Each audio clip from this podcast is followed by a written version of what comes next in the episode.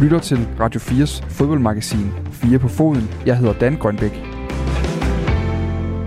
Og rigtig hjertelig velkommen indenfor. Vi har glædet os helt vildt til at være i luften igen her efter en øh, sommerferie. Og øh, er nu øh, i gang med et øh, relativt øh, tungt program, synes jeg faktisk, øh, hvis jeg selv skal øh, sige det. Vi glæder os meget til at give det til jer. Den hedderkronede fodboldklub Esbjerg FB er i øh, frit fald, virker det til. I et øh, åbent brev, der har 21 førsteholdsspillere kritiseret træner Peter Hyberla i øh, skarpe vendinger og erklæret mistillid til ham som leder. Det sker efter flere episoder af, hvad de kalder verbale overfald og fysiske overgreb i form af slag og grov tilsidesættelse af anbefalinger fra klubbens medicinske stab. Også sportsligt ser det skidt ud. Senest så blev de ydmyget i weekenden af nedrykkerne fra Lyngby, som på eget græs slog FB 5-0. For første gang i en uges tid udtaler Esbjergs amerikanske ledelse sig nu til et øh, dansk medie om kaoset, og det sker, når bestyrelsesformand Michael Colt er med i programmet her klokken cirka kvart i seks. Efter 778 officielle kampe og 672 mål, så er det slut. Vores tids måske øh, bedste fodboldspiller, han flytter hjemmefra, og han forlader klubben, som han er blevet øh, synonym med over de sidste 27 år siden hans debut i 2004. Det er muy difícil esto para mí, después de, de tantos años de hacer toda mi vida acá. Eh, no, estaba, no estaba preparado. La verdad que... Og hans øh, farvel, det blev præcis så tårvedet, som det kunne forventes, men nok lidt af de øh, forkerte grunde. På trods af, at begge parter efter sine gerne ville forlænge samarbejdet, så står ligaregler og Barcelonas økonomiske moras i vejen for det. Vi tager temperaturen på Messi uden Barcelona, og ikke øh, desto mindre og ikke mindre vigtigt på Barcelona uden Messi lidt senere i programmet. Derudover så skal vi også tæt på øh, gårdsdagens derby i øh, København. Det første rigtige derby, både på banen og på lægterne med 35.000 mennesker siden øh, starten på corona blev skæmmet af næsten et kvarters afbrydelse i første halvleg på grund af tyk røg over banen, forårsaget af massevis af røgbomber og romerlys, og senere i kampen kast med brugt fyrværkeri ind på banen. Vi skal høre fra FCK, hvordan det kunne lade sig gøre at få så meget ind på stadion, og fra en øh, par fanformænd om, hvorfor det egentlig ikke var noget stort problem. Rigtig hjertelig velkommen, som sagt, til den første omgang 4 på foden efter sommerferien. Vi er tilbage i fuld tempo. Vi er glade for, at du lytter med. Velkommen indenfor. Det har været et øh, begivenhedsrigt fodboldår allerede, men alligevel kan der ikke være øh, tvivl om, at det, der udfoldede sig i weekenden, var et af årets største og mest overraskende, når det kommer til øh, fodboldhistorierne. Det virkede nemlig som en formalitet, at Lionel Messi skulle fortsætte hos FC Barcelona, men det kommer altså ikke til at ske. Det står øh, fast efter et drama, der udfoldede sig i tre akter med en bombe af en øh, udmelding fra FC Barcelona fredag aften, der blev fulgt op af en pressekonference lørdag med øh, FC, FC Barcelona-præsident Laporta, og endnu en pressekonference med Messi selv søndag middag. Hvad der skete, hvorfor det skete, og hvad der kommer til at ske nu, det har vi forsøgt at få svar på, og det har vi med i det indslag her.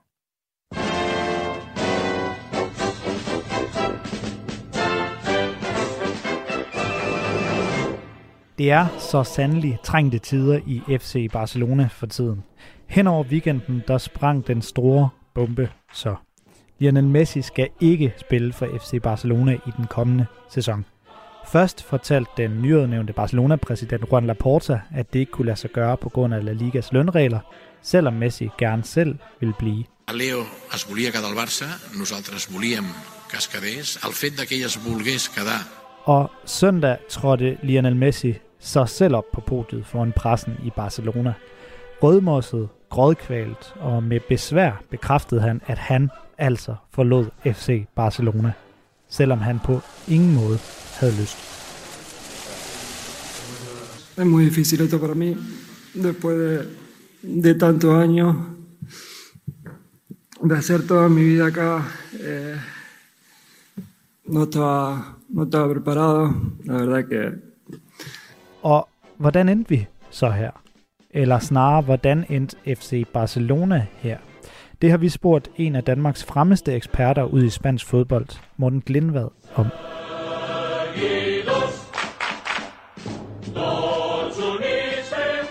Jeg hæftede mig jo ved, at Joan Laporta jo tydeligvis havde et behov for at, at fremlægge en meget alvorlig situation for FC Barcelona, øh, for at retfærdiggøre, for at gøre det tydeligt for alle, at der set fra hans øh, stol, som set ikke var andre udveje. Øh, altså han sagde jo direkte det her med, hvor, jamen, hvor stor en del af Barcelonas øh, budget, som øh, lønudgifterne gik til, og at det simpelthen bare var uansvarlig ledelse. Og han rettede jo en kritik af den tidligere ledelse, øh, som jo har ansvaret for den situation, Barcelona er havnet i, øh, og så sørger han jo så også lige for at, øh, at, at kritisere lederen af den spanske ligaforening. Øh, så for Laporta, så handlede det meget om at få pilen til at pege på alle mulige andre end ham selv. Ja, lad os lige hurtigt øh, tage den for, i forhold til Barcelonas ledelse, både den nuværende og den tidligere. Hvor øh, tænker du som, som i akta egentlig, at pilen peger hen mod? Peger den overhovedet mod Laporta, eller er det øh, den tidligere præsident Bartomeu, vi skal kigge på? Altså, den peger jo heller ikke på Laporta. Der er jo ikke noget, altså, det, det, man kan jo ikke beskylde ham for at give ham ansvaret for, at Barcelona økonomi øh, er endt, hvor den er. Øh, så derfor så kan han med, med, med, med god ret stille, stille sig op og, og hæve armene og, og, og sige, at det er sådan set ikke hans skyld, at Barcelona er, er endt, hvor de er. Øh, så, så helt grundlæggende, så er det ikke Laportas problem. Det kommer fra den tidligere ledelse under, under Josep Maria Bartomeu. Vi vidste godt, mens han var der, og da han gik af, at hans lederskab ikke havde været særlig godt for FC Barcelona, men det er først efterfølgende, at det er blevet klart for os alle sammen, hvor katastrofalt dårligt Barcelona har været ledet, og hvordan der øh, ikke har været taget noget som helst ansvar for klubbens, øh, for klubbens fremtid. Det her udelukkende handler om kortsigtede løsninger for, øh, for, for Bartomeu. Men når det så er sagt, så står Laporta jo selvfølgelig også i en svær situation, for han nåede jo at sige tilbage i foråret, at det der med Messis kontrakt, Ja, men det får vi lige ordnet over en, øh, over en middag, over en asado, som man sagde, altså et, øh, et stykke grillet kød. Altså han bagatelliserede lidt situationen. Han gjorde det tydeligt for, øh, for dem, der havde, havde stemt på ham, dem, der havde valgt ham som, som, som præsident, at det her, det skulle han nok ordne. Og det har jo så vist sig, at det var han ikke i stand til. Så selvom at ansvaret for det ikke direkte ligger hos ham selv, så har han alligevel været, været lidt, for, lidt for kæk i sine meldinger omkring Messis fremtid. Og så var der jo så Messis øh, egen pressekonference i Barcelona i, i går omkring øh, middagstid, hvor han trådte op på podiet, som, som den her endelige konklusion af, at okay, han smutter rent faktisk fra, øh, fra Barcelona, men det stod jo så også tydeligt frem, at det ikke var hans eget øh, valg. Det er så lige mig, der sætter nogle ord på det her, men hvad bed du mest mærke i ved Messis pressekonference i går? Jamen, vi så jo en mand, som var, øh, som var fortvivlet, som var uforstående og som følte sig, følte sig magtesløs. Øh, og hvis man, hvis man stadig havde en, en, en tro på, at det, det var rent spin fra, øh, fra, fra øh, de forskellige parter i den her sag, så, så må den vel efterhånden være, være væk efter, at man, øh, man, man så Lionel Messi. Altså det understregede, hvor overraskende det har været for ham selv, ligesom det har været overraskende for alle os andre. Øh, fordi lige siden Laporta kom med de her meldinger i foråret om, at han skulle nok få styr på kontrakten, jamen så har den, den almindelige forståelse af situationen har været den, at det ville blive løst. Altså Lionel Messi ville komme til at skrive under på en ny kontrakt med Barcelona. Han var ikke færdig, øh, færdig med klubben, og alle forventede jo sådan set bare, at når nu han landede i Barcelona efter sin ferie, jamen så ville det blive løst, så ville han så ville den blive præsenteret, Laporta og Messi ville stå og smile ved siden af, af hinanden, og så kunne han så genoptage træningen frem mod, øh, frem mod den, den, den nye sæson. Altså det var den forventning, Messi selv havde, da han ankom i Barcelona i onsdags, og så et bare et par dage senere, så, øh, så stod det så klart, at han ikke skulle fortsætte i, øh, fortsætte i klubben. Så det er, det er nærmest uvirkeligt, så hurtigt det er gået, når man tænker på, at en, en mand, der har været i FC Barcelona i mere end 20 år og været den vigtigste spiller i klubbens historie, at det så på den måde ender med at få en afslutning, øh, som, som bliver, bliver accelereret igennem i løbet af, af et par døgn, det, det fremstår meget uvirkeligt. Inden det her begyndte at eskalere, der kom jo nyheden om, at La Liga de har solgt øh, 10% af deres øh, rettigheder, eller i hvert fald en stor portion af forretningen La Liga, til et kapitalfirma, øh, til CVC, for et stort milliardbeløb. Den her aftale bliver også bragt i spil i forbindelse med Barcelona og Messi og, øh, og den her kontrakttvist, hvis vi skal kalde det det. Hvor kommer den her aftale mellem La Liga og øh, kapitalfirmaet ind i, øh, i, i Lionel Messi og Barcelonas kontrakttvist? Altså, der er jo mange ting i det her, der hænger sammen, men lige præcis i forhold til, om Barcelona vil kunne lave en ny kontrakt med Lionel Messi, så betyder det, så betyder det ikke noget. Øh, fordi der, der, er man, altså, der er man nødt til at forstå, at de her meget tydelige lønbudgetter, som man har indført i La Liga i de senere år, hvor øh, klubberne op til hver sæson får at vide, at I har den her lønramme, som I må, øh, som I må have spillere for i jeres første holdstrup. At det er jo en, der bliver gjort op ud fra de indtægter, klubben har haft i den foregående sæson. Og der ændrer det altså ikke noget på budgettet for øh, den her øh, sæson, vi går ind i nu, at der eventuelt måtte komme det her, øh, den her låneaftale med, øh, med, med, med CVC. Så på den måde, så er der ikke en, der er ikke en direkte sammenhæng øh, mellem det. Men det er der så alligevel, fordi at det er hele Barcelonas situation, hele deres økonomi, hele deres forhold til Ligaforeningen og deres fortsatte ønske om, om, om den europæiske Superliga, øh, der, der, der, der spiller det stadigvæk en rolle, men ikke, ikke så direkte, som, øh, som, som det er blevet gjort til. Der var mange, der gerne i kølvandet på det, vi så hen over weekenden, vil placere en skyld. Som du ser det, hvor ligger skylden for, at Messi han altså ikke længere er FC Barcelona-spiller henne? Er det FC Barcelona? Er vi over i La Liga? Eller er vi hos Messi selv? Eller en helt fjerde? Altså grundlæggende så ligger den hos FC Barcelona, øh, og i særdeleshed den, den tidligere øh, præsident Josep Maria Bartomeu, men vi kan også godt trække den længere tilbage til den, til den foregående præsident, fordi skylden ligger også, hvis man trækker lidt større op, så ligger, det også, så ligger den også i hele fodboldens udvikling i de sidste 10-20 år, altså hvor de nyrige øh, klubber er kommet, kommet til magten, hvor, de, øh, hvor oliestaterne er kommet ind med nogle uhyrelige summer, der har Barcelona været måske forblændet lidt af den succes, man havde, er blevet ramt af en grad af storhedsvanvid, har haft en følelse af, at fordi de er Barcelona, jamen så skal de selvfølgelig følge med i forhold til, til, til, til lønudgifterne. Og det har jo gjort, at Barcelona har bragt sig selv ind i en, øh, en spiral, hvor de her lønudgifter de er blevet højere og højere, så indtil for ganske få år siden, så var Barcelona det hold i verden, som havde de højeste lønudgifter, selvom de jo ikke havde en, øh, en, en, en oliestat i, øh, i, i ryggen. Og det er jo det, der, der så rammer dem nu, når der så er kommet en pandemi, som har, som har accelereret og tydeliggjort de problemer, øh, de problemer, øh, der er. Så det er den, tidligere præsident, der har tilladt det her, det her ske, men det har så heller ikke været nødvendigt øh, at lade det ske, hvis ikke det havde været for, øh, for fodboldens øh, inflation i de senere år. Så er der reaktionen i, øh, i Spanien. Altså det giver jo så selvfølgelig selv, at, at Barcelona-tilhængere, de er pænt kede af det i de her dage. Men hvilke reaktioner har du iagtaget sådan fra det spanske fra andre fans? Altså er der glæde at spore i Atletico og Real hvis man spørger på den måde?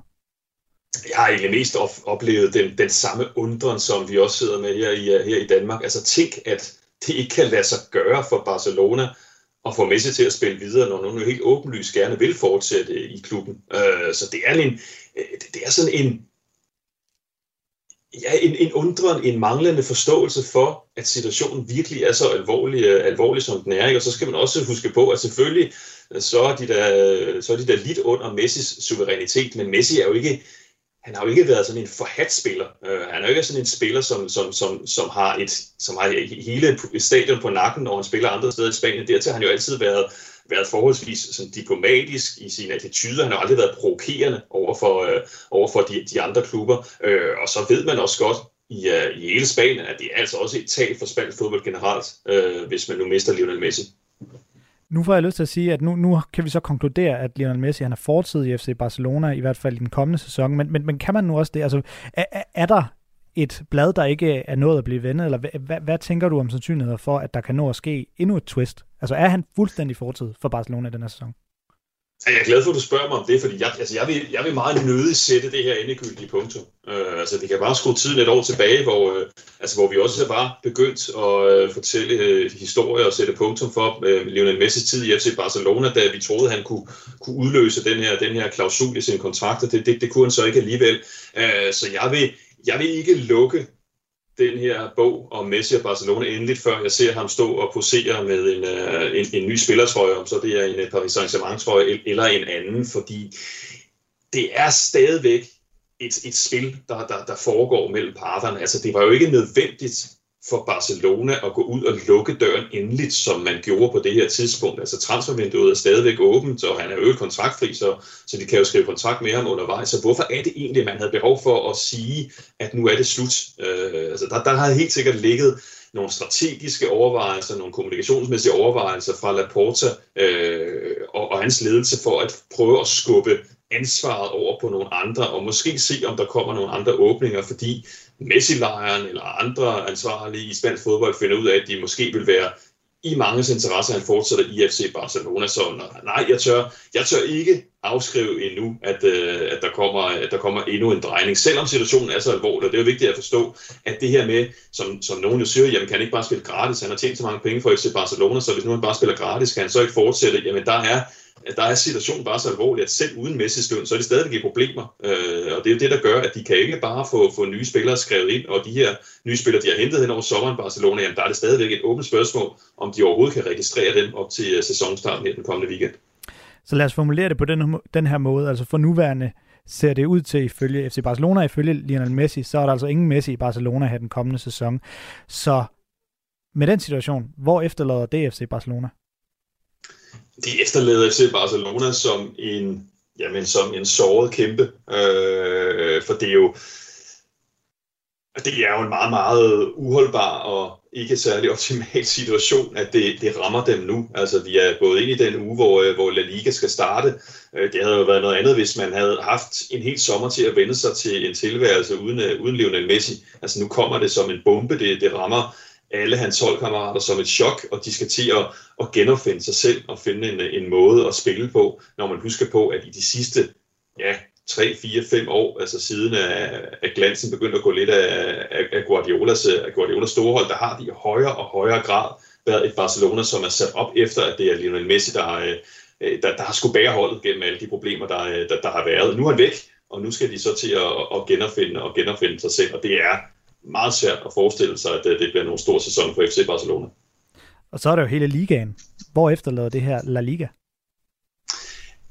Ja, det er, et, det er et hårdt slag mod La Liga, også fordi det jo er det seneste af en række slag, som, øh, som La Liga har fået i de, øh, i de senere år. Altså La Liga var, var verdens stærkeste i, i tierne og vandt den, den ene Champions League-titel efter den anden, men når vi ser, hvad der er sket i de senere år, jamen så har de jo oplevet en, en overladning af profiler. Altså Cristiano Ronaldo, Lionel Messi-duellen, den er, den er fortid nu. Vi har også sagt farvel til Sergio Ramos den her sommer. Real Madrid har solgt uh, Rafael Varane, og uh, lige nu så uh, er Real Madrid og Barcelona, jamen, de er jo på jagt efter transferfri spillere. Det er ligesom deres marked lige i øjeblikket. Uh, så det er en såret, en såret liga, som økonomisk har haft svært ved at følge med øh, de andre store ligaer, som nu øh, oven i det er blevet ramt meget hårdt af, af pandemien.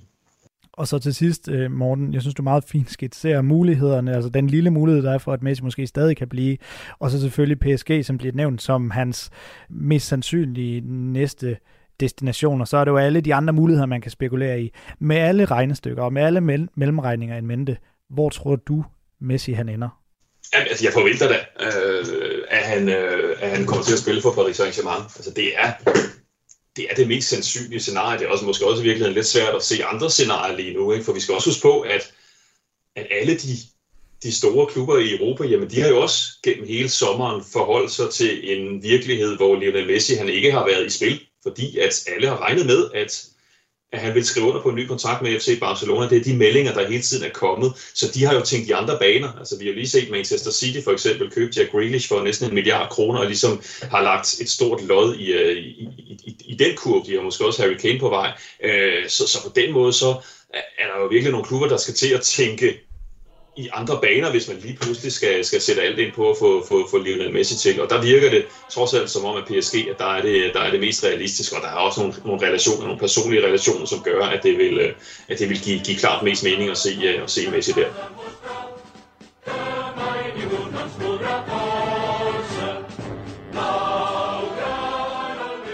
Og allerede nu der går øh, bulletinerne altså på, at Messi han er på, så meget på vej til PSG, at øh, flere medier kunne berette om, at PSG de altså har lejet Eiffeltårnet her i de kommende dage.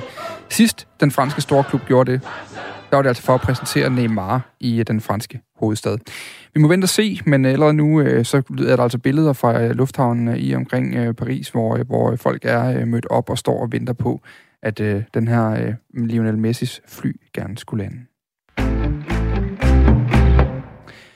Og så kigger vi hjemad igen, fordi per 1. august der blev mange af de restriktioner, som omhandler Superliga-tilskuere, ophævet. Det betød, at øh, langt flere tilskuere kan lukkes ind, og det er i blandt også udbanefans. Selvom det var sidste søndag, at restriktionerne blev ophævet, så havde hovedstadsklubberne nok i endnu højere grad set frem til det derby, som blev spillet i går. Men selvom fansene skabte en flot kulisse med øh, fantastisk store tifoer, flag og sange, så blev der også affyret ulovlig pyroteknik. Allerede inden kampen, der blev øh, pyroteknik, eller på almindelig dansk, fyrkeri, skudt af. Både FCK og Brøndby-fansene var ivrige i den kamp. Men også under kampen, der var der flere øh, røgbomber og romerlys, som var en del af kulissen. Det er i strid med fyrkeriloven og dermed også divisionsforeningens regler om sikkerhed og orden på stadions. Der hedder det i øh, deres øh, paragraf 2 i fyreriloven, der hedder det, fyreri og andre pyrotekniske artikler må ikke opbevares, overdrages, erhverves eller anvendes uden for kommunalbestyrelsens tilladelse.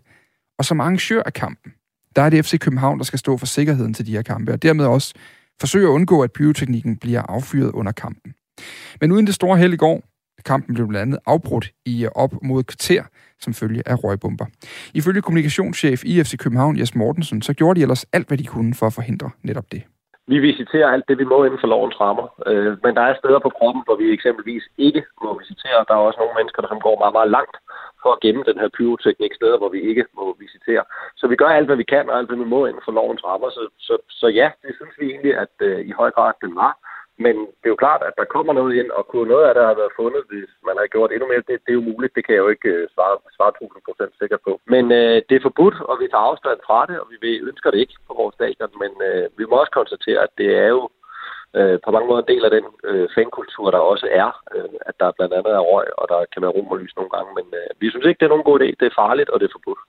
Det var ikke bare affyring af pyroteknik, som var problemet til kampen i går, hvis man kiggede med. Også kasteskyt blev brugt mod spillerne på banen. Både Brøndby's Simon Hedlund og FCK's Jonas Vind blev ramt af kasteskyt fra fans. Og det er også i det lys, at kommunikationschefen i FC København, Jes Mortensen, han forventer, at enkelte fans altså nu kan se frem til karantæner som følge af overtrædelserne. Vi gør altid det efter en kamp, hvor der har været brudt regler, at vi gennemgår alt, hvor vi har jo ret, ret detaljeret øh, overvågningsbilleder af de her ting, og der kommer vi altid til at bruge rigtig, rigtig mange ressourcer på at finde dem, der er fyret af, og, og lykkes det for os, så, så, øh, så er det, får de selvfølgelig karantæne. Øh, og det er et relativt stort arbejde, øh, som vi har været igennem det nogle gange desværre, men det, det er et stort og detaljeret arbejde, som vi selvfølgelig går i gang med for at finde dem, der har gjort. Er det din forventning, at øh, der bliver uddelt karantæner på baggrund af i går? Ja, det vil der gøre. Udover karantænerne til enkelte fans, så forventer Jes Mortensen også, at fodboldens disciplinærinstans under DBU i samarbejde med Divisionsforeningen kommer til at gå ind i den her sag. Også formanden i FCK Fanclub, Lars Thor Jensen, han tager afstand fra affyring af pyroteknik, selvom han altså indrømmer, at det skaber en fed kulisse til en fodboldkamp. Ja, men øh, som, så længe kan man sige, øh, pyroteknik er ulovligt, så er det jo selvfølgelig noget, vi, vi, vi ser kritisk på. Dog forstår vi jo godt, at der er nogen, for hvem det er ret essentielt en del af deres fankultur, og man skal jo heller ikke sige, at det ikke ser pænt ud og skaber en stemning, men, men når det er sagt, så, så er det selvfølgelig ærgerligt, at røgen driver ind, under ind over banen, men personligt synes jeg jo, at, at i starten, den hvide og blå mur, der kom op, det så ganske fortrinligt ud. Men så længe det er ulovligt, så har vi jo selvfølgelig den holdning, at øh, så, så, så er det jo forbudt. Og også hos gårdsdagens modstandere, der tager de afstand fra affyring af pyroteknik, samtidig med, at de kæmper for en lovliggørelse. Det siger øh, Sara Aerklint, som er forkvinde i Brøndby Support. Jamen altså, vi kan jo starte med, Brøndby Supports holdning er, at øh, vi er imod ulovlig pyro, men øh, vi synes samtidig også, at det er så stor en del af kulturen omkring fodboldkampe. Altså, det er jo ærgerligt, at det skal udsætte kampen så meget, som, øh, som det gjorde.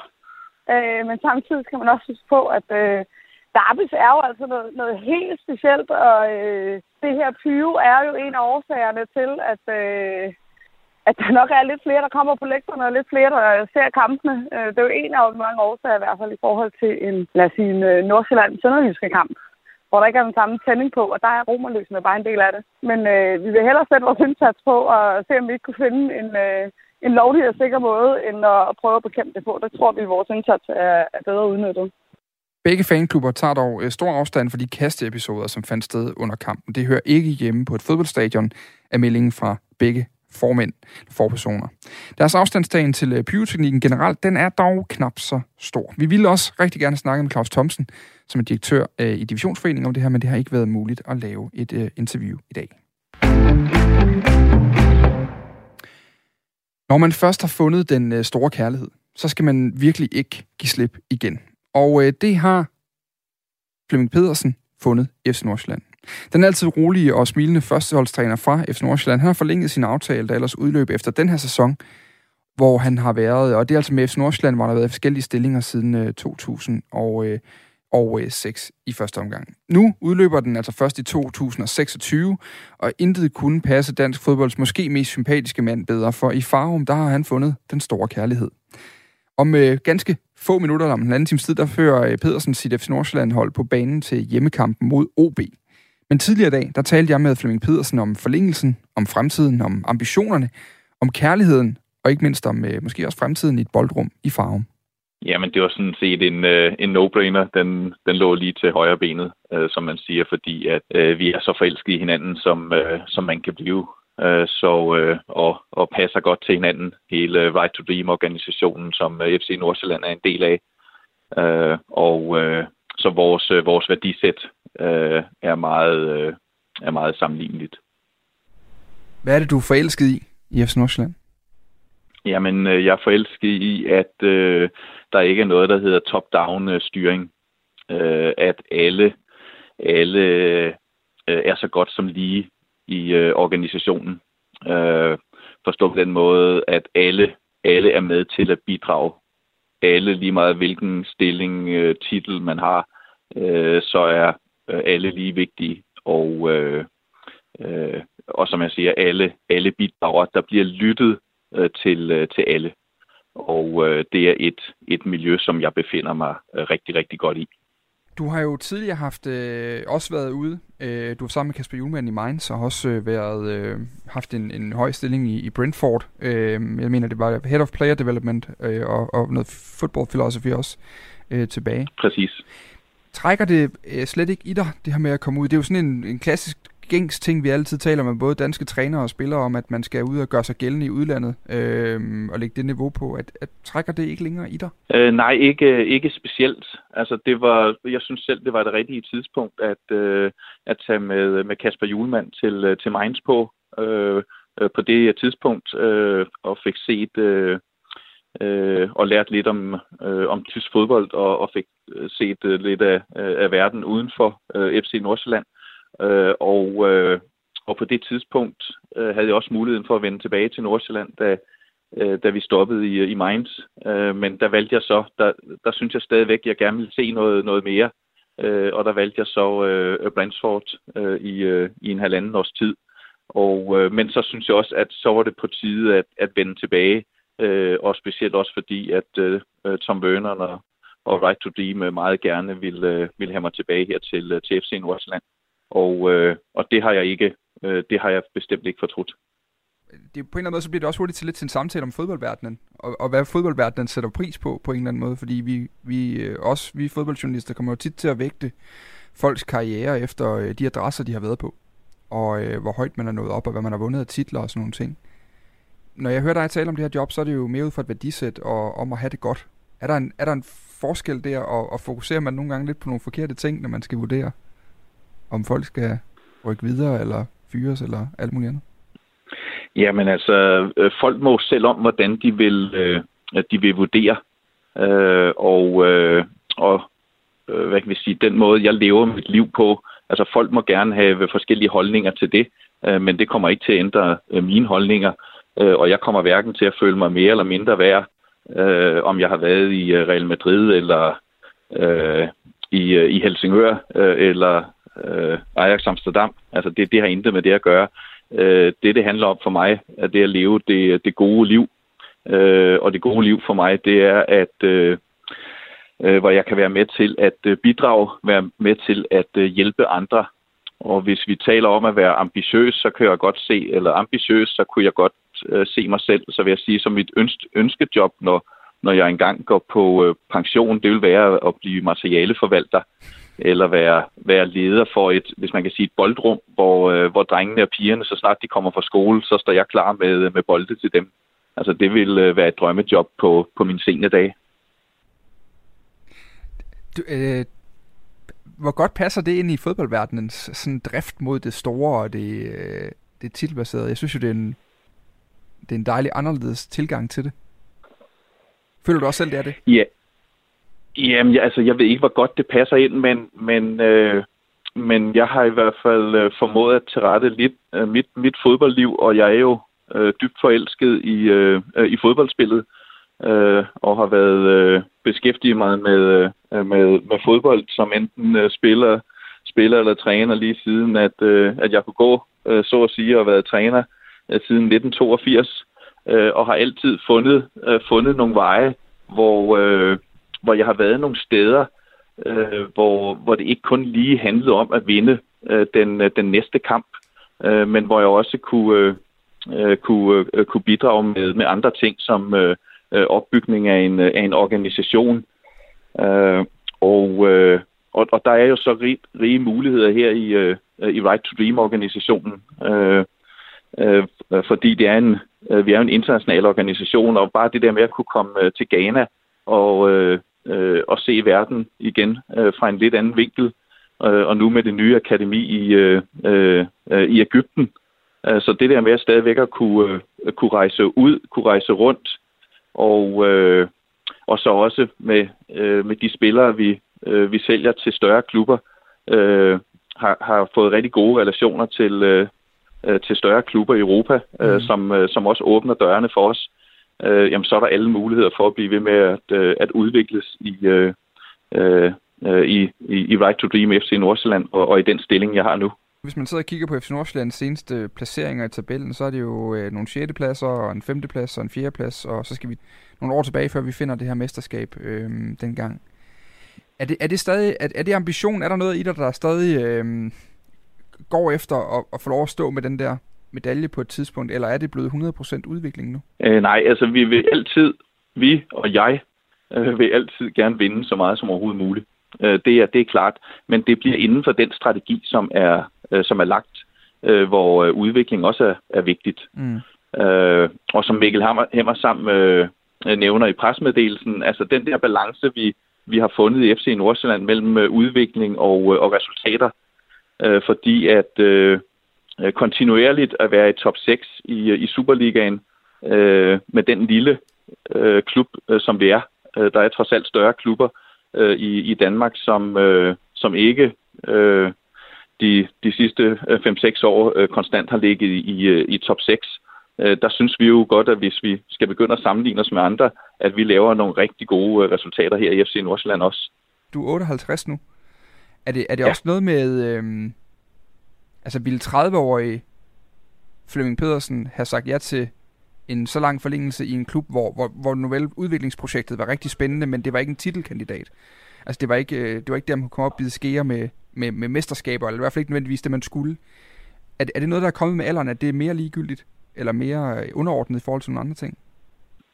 Øh, nej, det, det vil jeg ikke sige, fordi også i, i mine yngre dage, der lavede jeg også øh, længerevarende øh, kontrakter, og ikke nødvendigvis med, øh, øh, med et hold, øh, som lå til at skulle øh, rykke op. Mm. Øh, så, så, så det vigtigste, det vigtigste for mig, det er øh, samarbejdet øh, med, øh, med, med andre mennesker, og at, øh, at værdierne øh, stemmer, stemmer ens. Og at altså, jeg har min frihed. Altså, jeg er et meget, meget uafhængigt øh, menneske, og, øh, og jeg skal have min frihed.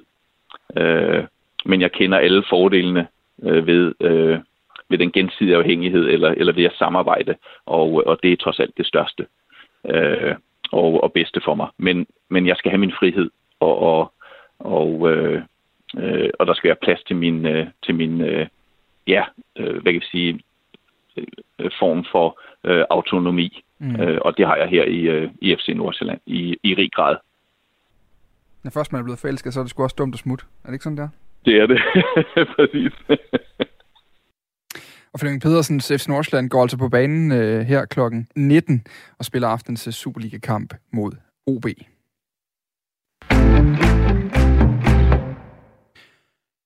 Nu skal vi kigge mod Esbjerg. Det kommer vi også til at gøre i helt anden time af programmet i dag, hvor jeg får besøg af øh, sportsjournalist på Ekstrabladet, øh, Claus Elund, som har afdækket den krise, der jo vil nok, man vil nok kan kalde det i Esbjerg, der har udspillet sig over den sidste halvanden måneds tid, siden den nye træner Peter Hybler øh, blev, øh, blev ansat og startede her øh, i, i starten af juli måned, midten af juni. Det interessante, når man kigger på ham med Peter Hybler, det er øh, at kigge på hans tidligere karriere. Han har været i en række forskellige klubber, det er blandt andet på hollandske. Han har haft nogle ungdomstrænerjobs i Tyskland. Han har været i uh, Sturmgras i Østrig. Han har været i, uh, i Wisla Krakow i Polen, og så har han altså også været forbi. Det længste stræk, han har haft som træner, har altså været i den slovakiske liga, hvor han har været træner for det hold, der hedder Dunajska Strada. Og tidligere i dag, der talte jeg med Jan van Dijl. Til dem, der ikke lige ved, om det er, det går ud fra relativt mange af jer, så kan jeg fortælle, at han er sportsdirektør i netop Donarska Strada i Slovakiet. Og i kontekst af Peter Hybela, der er det relevant, fordi Jan van Dijl, han ansatte altså Peter Hybela som træner i klubben i 2018. Den her ansættelse, den varede i halvandet år, og det var ifølge Jan van Dijl med stor succes. I recruited Peter Hybala uh, for the season uh, 18-19, if I'm not mistaken. So then uh, he stayed with us uh, for one and a half season, basically. Um, and I have to say it was quite a successful period. Um, we we ended up second uh, behind Slovan Bratislava, which is, uh, let's say, the, the club with the biggest uh, budget here in the country. But nonetheless, it was quite okay. Then also we uh, we advanced in the second round of the Europa League qualifiers in the second season of Hibala, where we beat Cracovia Krakow, which was also you know, quite a big team. Og her på Radio 4, der har vi kontaktet alle tidligere klubber, han har været i og haft cheftrænerjobs i. Blandt dem har vi, vi har ikke fået svar fra Nijmegen og Nachbreda i Holland. Vi har ikke fået svar fra øh, Bayer Leverkusen, hvor han var assistenttræner i en periode. Men til gengæld har vi fået svar fra øh, Dunajska Strada her, hvor han var en succes. Vi har fået et uh, svar fra Wisla Krakow, fra Red Bull Salzburg i Østrig og fra Sturm Graz. De sidste tre her, de har altså valgt ikke at kommentere på Peter Hyberlars tid. Men Jan van Dijl, han vil altså gerne fortælle, og det vil han gerne, fordi succesen skyldes, at de vidste, hvilken mand de ansatte på det tidspunkt. De vidste, at Peter Hyberlars metoder var hårde, men det var altså, hvad klubben havde brug for på det tidspunkt. Og netop fordi de vidste, hvad de fik, så blev det en succes. I mean, first of all, I think if, if you as a club recruit um, Peter Hibala, I think also in the interviews uh, before you you recruit him, I think you you um, have to know or can expect that he's a special personality. Um, so so so that's also something that he even I think in the in the interviews he says uh, himself that you know he's he's you know no nonsense guy and and sometimes also perceived crazy. So he knows that from himself as well. Well, but of course there were problems, but sometimes, of course, you have to shake things up if you want to change things. And I think that's what we what we wanted also from him in in in, in this first uh, months here in Dunajska. Jan van Dijk, han fortæller her, at øh, vi vil gerne ryste lidt op i tingene, altså ryste posen i klubben, og det gjorde vi med Peter Hybelar. Der var blandt andet et par spillere, der forsvandt ret hurtigt. Ældre spillere, der ikke passede ind i det nye spillesystem. Men ikke desto mindre var det altså en succes. Den primære grund til, at jeg har taget fat i Jan van Dijk, det var jo selvfølgelig i sammenhæng med de episoder, vi har set i Esbjerg. Tidligere der har Peter Hybeler været udsat for kritik i medierne, men ikke i samme grad som i Danmark. Og det kan skyldes, at vi i Danmark har en anderledes tilgang til lidelse, også i fodboldens verden, mener Jan van Dijl her. Der er en forskel på kultur, og derfor peger den øh, belgiske sportsdirektør i øh, Dunajska altså på, at Peter Hybeler ganske enkelt er fejlkastet til Esbjerg. I mean, I was surprised and also not surprised. Uh, of course, you know, I think the magnitude of the case nowadays is uh, in Denmark is, is quite big. Um, and and you know I don't really know Danish culture too well, but uh, you know I'm I'm I'm a Belgian guy, so it's in a certain way not too far off. But I can imagine that that you know there is let's say more let's say cultural reservations or people are let's say more careful what they say when they say. You know I also know he's Dutch, and sometimes um, I also have you know before I I can imagine that if I never left Belgium, sometimes I also would find some things quite unacceptable. You know I've been I've been in touch in my studies and in my professional career. I've come in touch with a lot of cultures and a lot of different people. So I learned to say uh, appreciate in certain ways uh, things done differently. But uh, but I can imagine if you're a traditional um, citizen of, of Belgium or or um, or uh, or Denmark, and then you come in touch with this um, Dutch person because he's half Dutch. And you know, Dutch people are kind of really outgoing, and they they never, let's say, reserve anything, or they just let's say spit it out sometimes. So I can imagine for some cultures this comes in uh, as, as very special and very direct and, and difficult to, to, to accept sometimes. Det er altså også mærket med Jan van Dijl om, det er, at de her, på trods af de her kulturforskelle, så har nogle af de episoder, vi har været fremme om den første tid i Esbjerg, været over grænsen. Om ikke andet, så i hvert fald over den danske grænse. Der er episoder, hvor spillere er blevet omtalt som fede, en måde, som øh, ifølge spillerne ikke var i orden, og det man øh, tenderer til voksenmobning, hvis man taler med Spillerforeningen. Den historie har Jan van Dahl også hørt, og jeg spurgte om hans udlægning af den sag, hans syn på den, og han peger på, der kan være forskellige tolkninger af, hvordan ting bliver sagt, men at man i øvrigt skal huske, at spillerne også bliver betalt for at holde sig i god fysisk form. Professional football is a hard job because it's not just the hours you're on the pitch, it's especially what matters is the hours of the pitch, you know, what you eat, how much you sleep. And I think that's that's sometimes, you know, uh, easily forgotten that uh, the players are well paid, but, you know, they're well paid to take care of themselves at all times. So they can't go to the bars, they can't go to the clubs, they can't go to fast food. And, um, and, and, and I think that Peter also tried to, to create that culture among the players to to maintain themselves, and sometimes that's provocative. But again, uh, is it saying uh, that you are fat? Is it so different from saying that your fat percentage is too high, which is in many professional clubs I think measured on a on a regular basis? And um, and and and you know, one thing is okay how you say the thing, but the message is ultimately the same. So so I think you have to put it in a professional framework somehow. Mm remember honestly any any inappropriate or issues that we had with with physical or verbal abuse uh, by Peter Ibala. Som lyder altså fra Jan van Dahl, sportsdirektør i FC Dunajska Stræder i, øh, i, øh, i, øh, i Slovakiet. Til sidst, så skal vi lige høre et uh, klip med ham, hvor han netop, fordi det ender jo altså med, at Peter Hybler også bliver fyret i Dunajska Stræde efter halvanden sæson, cirka. Men øh, Peter Hyblers ansættelse, den fandt jo som sagt sin, øh, sin, sin ende halvvejs inde på trods af succesen. Og ifølge Jan van Dijk, der var det på grund af professionelle årsager, og ikke det personlige. Men som man siger i det sidste klip, du skal høre her, så brænder en type med den slags metoder ganske ofte ud. Every, everything comes to an end at some point, yes. So I think he had his time here, and, uh, and again, it was a successful first year. The second year was was bitter, but it was more because of professional reasons than than really personal reasons. And uh, and I think that uh, that he's not a personality that that comes back to something. I think uh, he's a he's a he's a guy that always looks for excitement, um, who likes to take on new challenges, but also he gets bored at sometimes. I think uh, quite quickly or maybe too quick.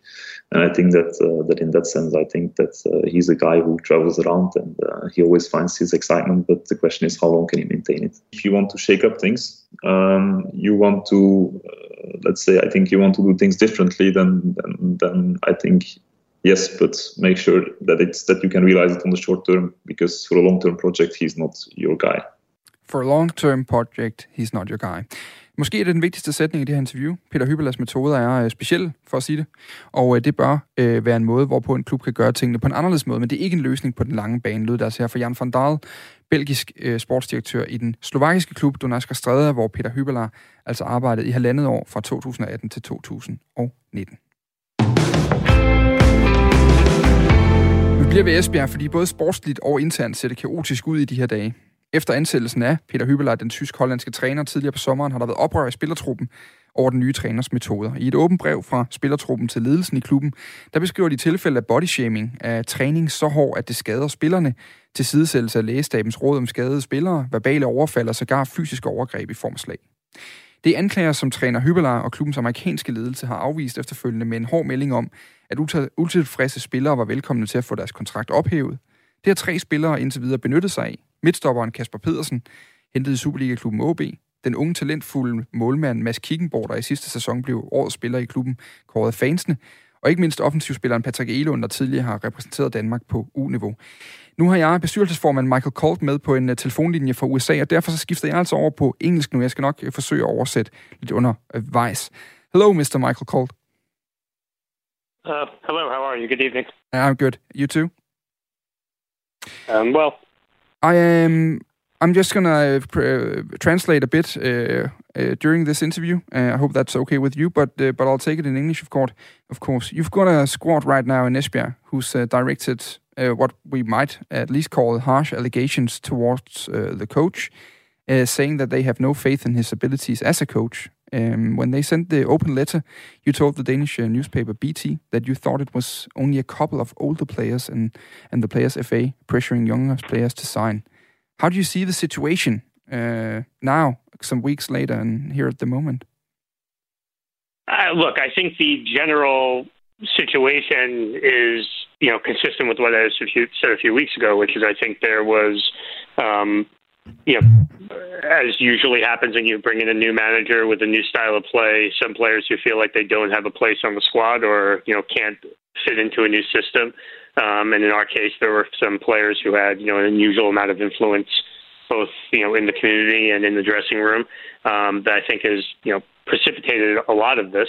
um, not to absolve Peter of any responsibility. Um, but uh, you know, I don't think it's you know the letters are reflective of the whole squad, and in fact, you know, a number of players, a significant percentage of them, have you know contacted the club and, and asked to have their you know their names removed from you know from from one or or both of those letters. Um, Oh, so wait a minute. uh, you know, again, How have they done that? they've literally they or their agents have contacted the management of the club and said that they wish to have their names disassociated from the letter. Just because I told, talked to Michael Sale, uh, who's the leader of the Danish uh, Players Association earlier this day, and he said that um, the, the the thing you said about it only being a couple of players does not fit the truth because they've confirmed once again after the letter was sent that that uh, all the 21 players stood behind it.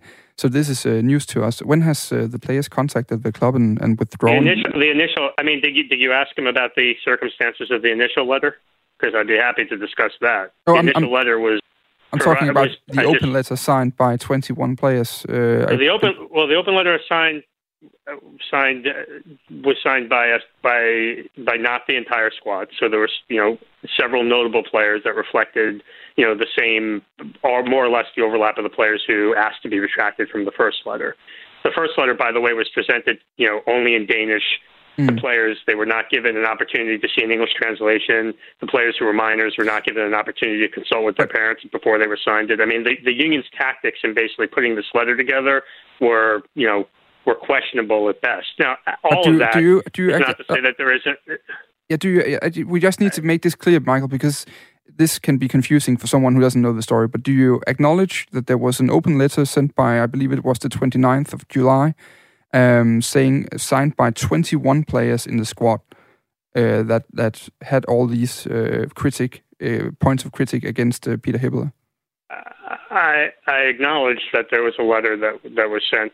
Okay. I believe it was last week Mm. that had you know that had criticisms of Peter. I've we have publicly acknowledged that there were issues with the training that you know went on in the first week. I I would also encourage you to look at what was the issues that were raised in that letter because every single one of those issues were issues that were you know from three or four weeks ago. There wasn't one new you know issue that was raised that was different from the first letter or the first set of media reports to the second one. Um, uh, so again, you know, the circumstances of this are unfortunate. I'm not here to defend Peter's communication tactics. I'm not here to defend, you know, things that he might have said that you know may you know be acceptable or standard practice in um, in other countries but aren't in Denmark. We you know we are working in Denmark and building a squad in Denmark and have to be cognizant of the the employment uh, law in Denmark and, the, and the culture of Denmark. But you know, to present this situation as this is just a, a coach who came in and you know, you know, quote unquote terrorized or physically abused or mentally abused, I think is a very surface level understanding of the situation and fails to appreciate the fact that you know there were several players who, before Peter even got there, you know, expressed concern and you know skepticism about Mm. the style of play, who had undue influence, who through their agents basically tried to you know effectuate you know a, a payoff to leave the club, Yeah. and you know had agents that threatened us that there would be trouble if we didn't basically accede to those demands, and that's basically what what happened. That's not But to Cole- Peter of responsibility. In this letter, they're not talking about a change of playing style.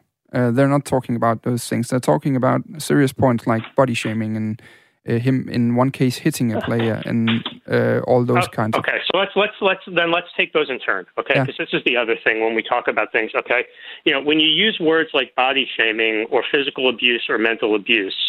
Okay, I think it, it does a disservice to people who have been actually subject to those things in a real way. The body shaming you talk about is basically the players, you know, the players' physical, you know, condition being photographed, which is a very standard practice in the rest of Europe and around the world in football and athletics in general. So that's that's basically you know I mean one thing where uh, you know I, I think you know you, to have terms that are thrown around as if you know that does a real disservice to people who actually suffer from these things.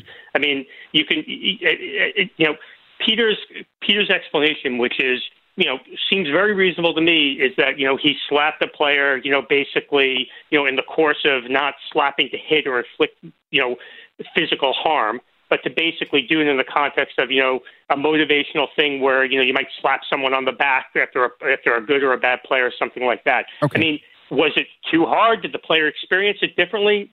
Entirely possible. Rise to the level of now multiple times being reported as physical abuse? I think does a service to people who actually suffer from actual physical abuse. But let's uh, move on, Michael Colt, uh, because right now at the point, uh, this weekend, uh, Esbjerg lost 5-0 to Lyngby in the league, and they're now uh, placed in the relegation zone with only one point after three matches. Um, you said uh, earlier to, to a Danish media that um, the way to test if a player has really lost respect for a coach is every Saturday you get an answer. What kind of answer has you got right now, and, and what are you? Um, is is Peter Look, still still it's, safe? it's it's obviously a concern. I mean, we're going to make a decision on on football. The you know the performance on Saturday was embarrassing, no doubt about it. Now, now Peter wasn't there. He was dealing with a family emergency. His mother's in the hospital. She had a heart attack last week. So, you know, I, I, I'm not necessarily going to place that blame squarely at Peter's feet when he wasn't even on the, uh, you know, in the in the stadium for that match. But you know, clearly, you know, the club for a number of reasons has had, you know, a fair level of of you know of activity around it that Yeah. has distracted from the training.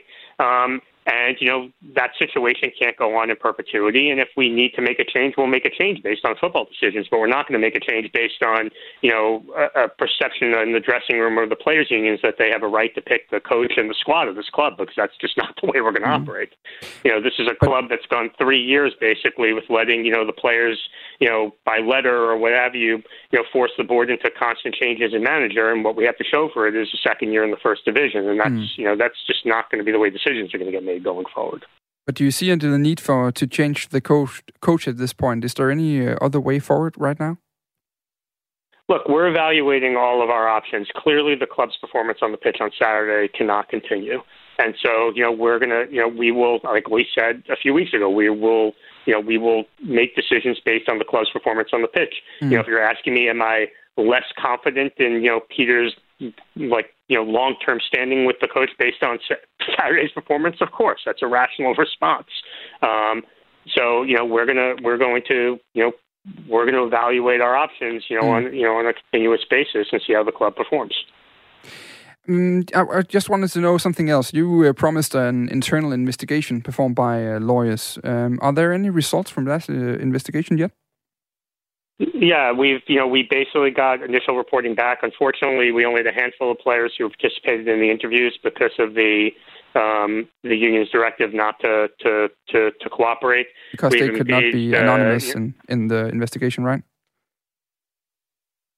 Yeah, well, we you know basically we were, you know if someone wants to come forward with allegations, shouldn't they at least have to be to, to, to you know shouldn't they at least have to stand behind them? I mean, the union's tactics here are basically just to come up with you know letters and you know basically tell you know young players to sign based on the respect for some older guys in the dressing room and let that stand. And then you know three weeks later we have talks about a coach who has you know inflicted physical and mental abuse quote unquote on players based on you know four things that happened in the first week of training a month ago. So uh, you know, so in any event, they didn't. They you know nothing emerged from that investigation that wasn't you know already been widely you know publicized in the media in terms of any additional incidents. You know that said, we take it seriously. We've since engaged. Uh, um, a working environment consultant um, who will, you know, basically put together a, you know, a working environment plan that that that that firm has already been uh, engaged. I wish I could pronounce the name in Danish, but I can't, so I won't embarrass myself and butcher it. Um, but it's a firm that you know has a long-standing history of working with the club and, and putting together these reports with the Danish Working Environment Authorities. Yeah. Um, and we're going to do everything we can to create the, the the right you know the right climate at the club for you know for staff, for the players, for for all the employees. Um, but we're going to do it, you know, remaining committed to you know our goal of introducing the style of play and, Mm. and you know and getting to the goal we want, which is you know promotion back to the Superliga. Just uh, the last uh, point, Michael Colt, because the uh, sad thing about this radio show is that there has to be news when we uh, reach uh, the, the, the the whole time, just a minute. So in, in, in less than one minute, uh, you have earlier talked about this being a learning process about the Danish culture. What is the most important important uh, learning point you've gained so far? So far, Uh, look, there are, you know, I don't think it's anything unique to Denmark. I think when you go and you work in a new country with a new environment, with new social norms and, and ways of doing business, you know, you have to adjust to them. And so there are things that have come up in this where I think, you know, candidly might be eye roll inducing in other countries, mm. but in, you know, in Denmark, they're real and there are things that we have to accept and there are things that we have to respect. Um, and candidly, I think there are probably things that will probably be more accepted in the rest in the rest of the world going forward. In a lot of ways, Denmark on cultural norms has generally, you know, been ahead of the pack in terms of, you know, the rest of, you know, even you know Europe or you know certainly the states. Yeah. And so I think we just have to accept that. And we, you know, as a, you know, I think Peter, you know, needed to accept it. I think I did. I think Paul Conway, who's you know my partner on the board, does. And and you know, we just have to adjust. Yeah, cool. That will be the last word. I need to interrupt you now, Michael Colt, because uh, there has to be news.